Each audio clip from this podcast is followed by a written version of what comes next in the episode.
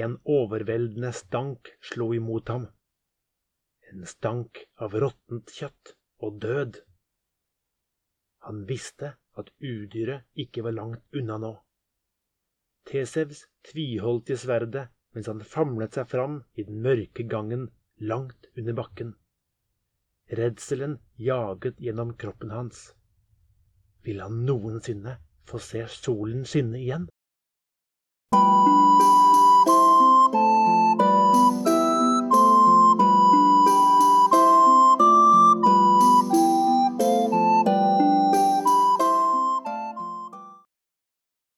Velkommen til Helter og legender fra antikken, en podkast for unge. Episode fire To skrekkelige monstre, Tyfon og Minotaurus.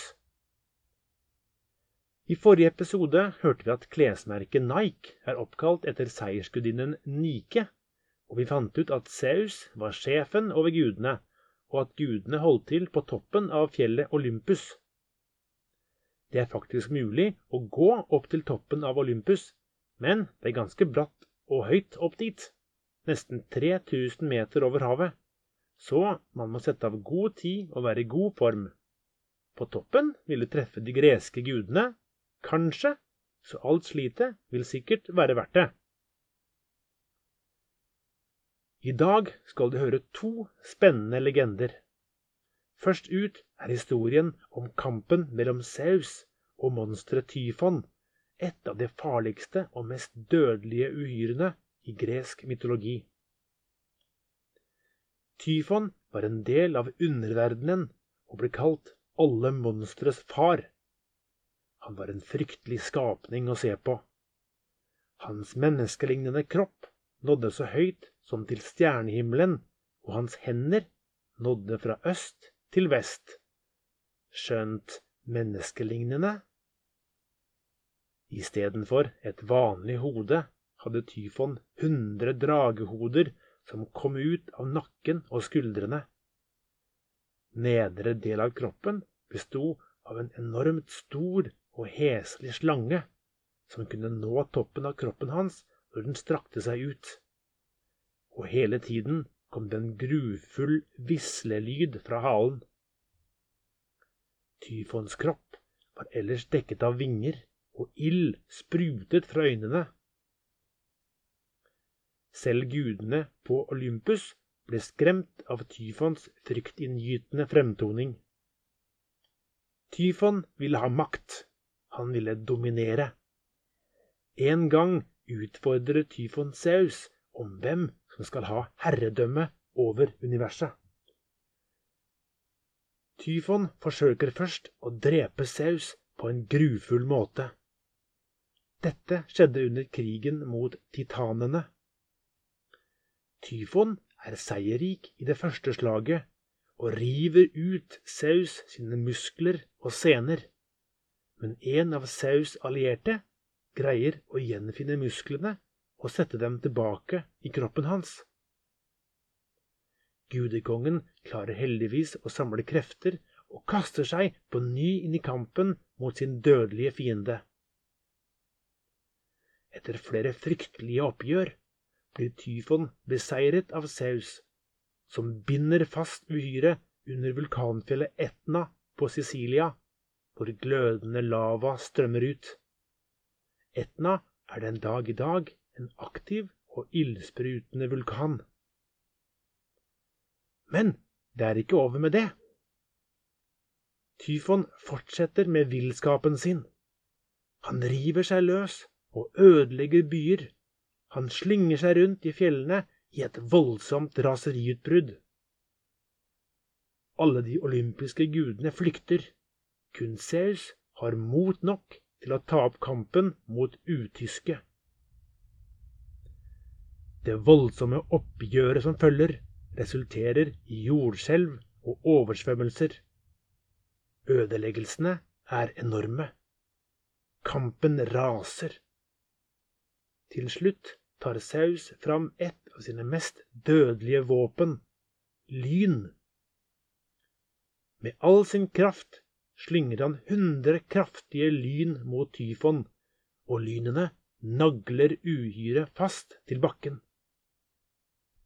Saus har overvunnet den dødelige trusselen og kan krones som seierherre. De andre gudene kan vende tilbake i visshet om at verden igjen er trygg. I historien om Tyfon dreier handlingen seg i bunn og grunn om kampen mellom det gode og det onde. Dette er vanlig i mange fortellinger og legender, ikke bare fra det gamle Hellas, men også fra andre deler av verden. Ofte ser vi at det er de gode kreftene som vinner til slutt. Nå skal du høre en legende om nok et uhyre, Minotauros. Her er det ikke guder som er i hovedrollen, men de har en finger med i spillet likevel. Historien finner sted på øya Kreta, hvor en av de første greske kongedømmene vokste fram, ja, faktisk før antikken begynte. Hvis du skal på ferie til Kreta, kan du besøke restene av den mektige byen Knossos, som var hovedstaden den gangen. Men hvis du gjør det, pass opp for Minotaurus! Her er legenden om Minotaurus, Ariadne og Tesevs. Også i denne historien vinner de gode kreftene, men slutten er likevel tragisk. På øya Kreta hersket for lenge siden kong Minos.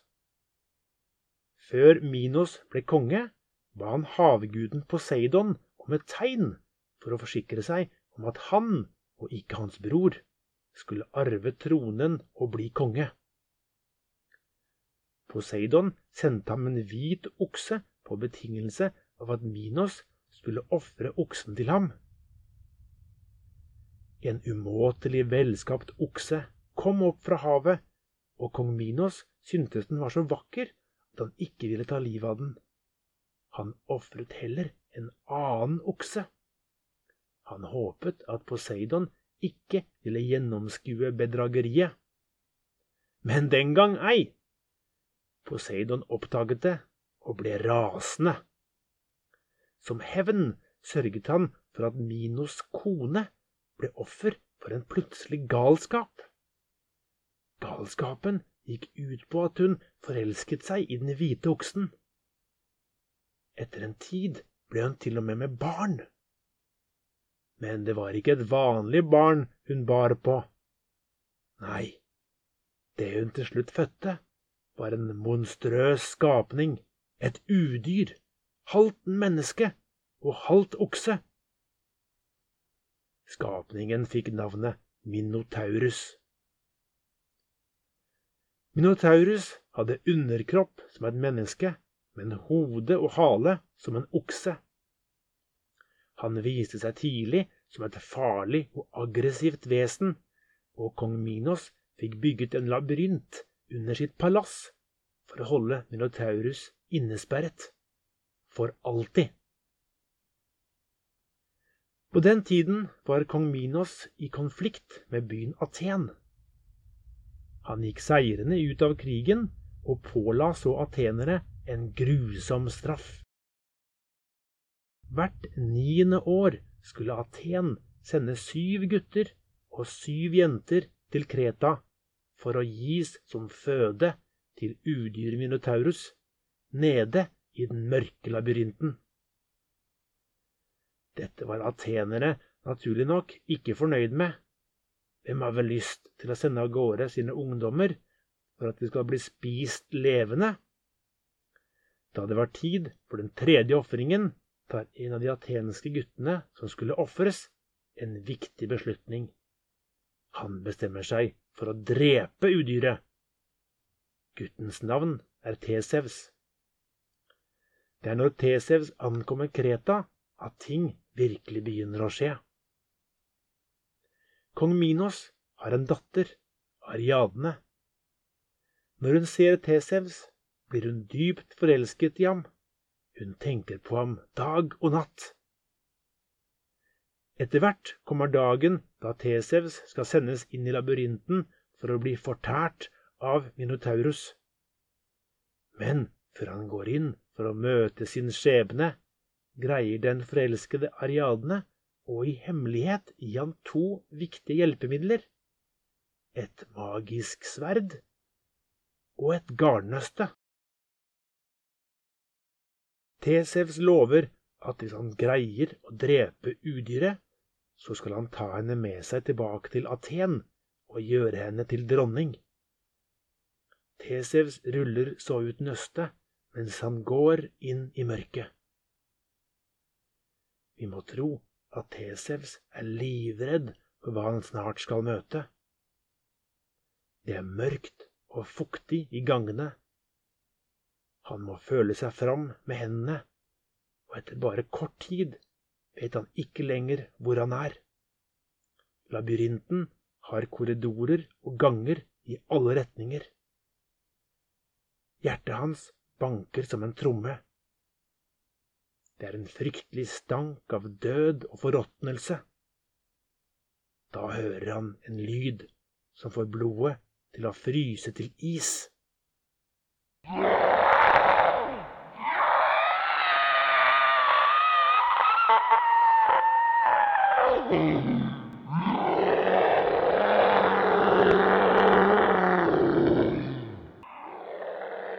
Han vet at skjebnetimen nærmer seg. Etter en kort stund møter han monsteret i mørket, og en fryktelig kamp følger. Det er et oppgjør på liv og død. Minotaurus tror kanskje det blir en lett match, men han foregner seg. Tesevs er en slu motstander og klarer til slutt å drepe udyret med sverdet. Han hadde klart å utføre det han hadde planlagt. Etterpå følger han tråden tilbake og ut i solen. Han leder også de andre atenske guttene og jentene ut av labyrinten. Men Tesevs skjønner at Kreta ikke er noe blivende sted. Han vil hjem så fort som mulig og sniker seg ned til et skip. Der venter Ariadne på ham. De kommer seg unna og seiler mot Aten. På veien stopper de på øya Naxos. Men så skjer noe merkelig. Tesevs blir lei av Ariadne, og mens hun sover, seiler han av gårde alene. Stakkars Ariadne blir etterlatt på øya.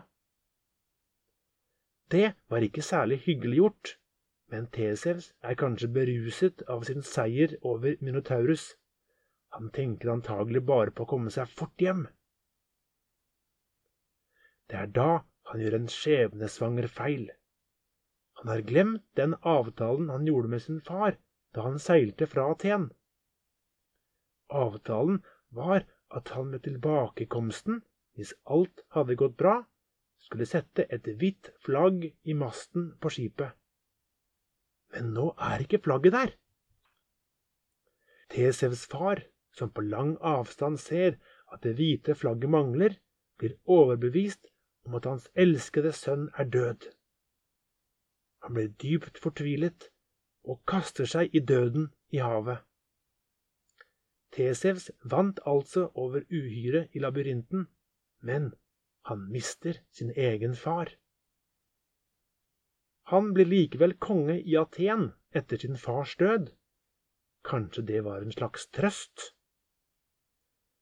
Slik ender denne legenden. Dette var alt for denne gang. Finn ut mer om helter og legender fra antikken i neste episode. Da vil du annet finne ut at du uten å vite det snakker en del gresk og vi skal finne ut hvordan det var å leve i Hellas i antikken. Lyden som ble brukt i denne episoden, er fra freesound.org og heter Parabolics Monsters Screaming. Ha det godt!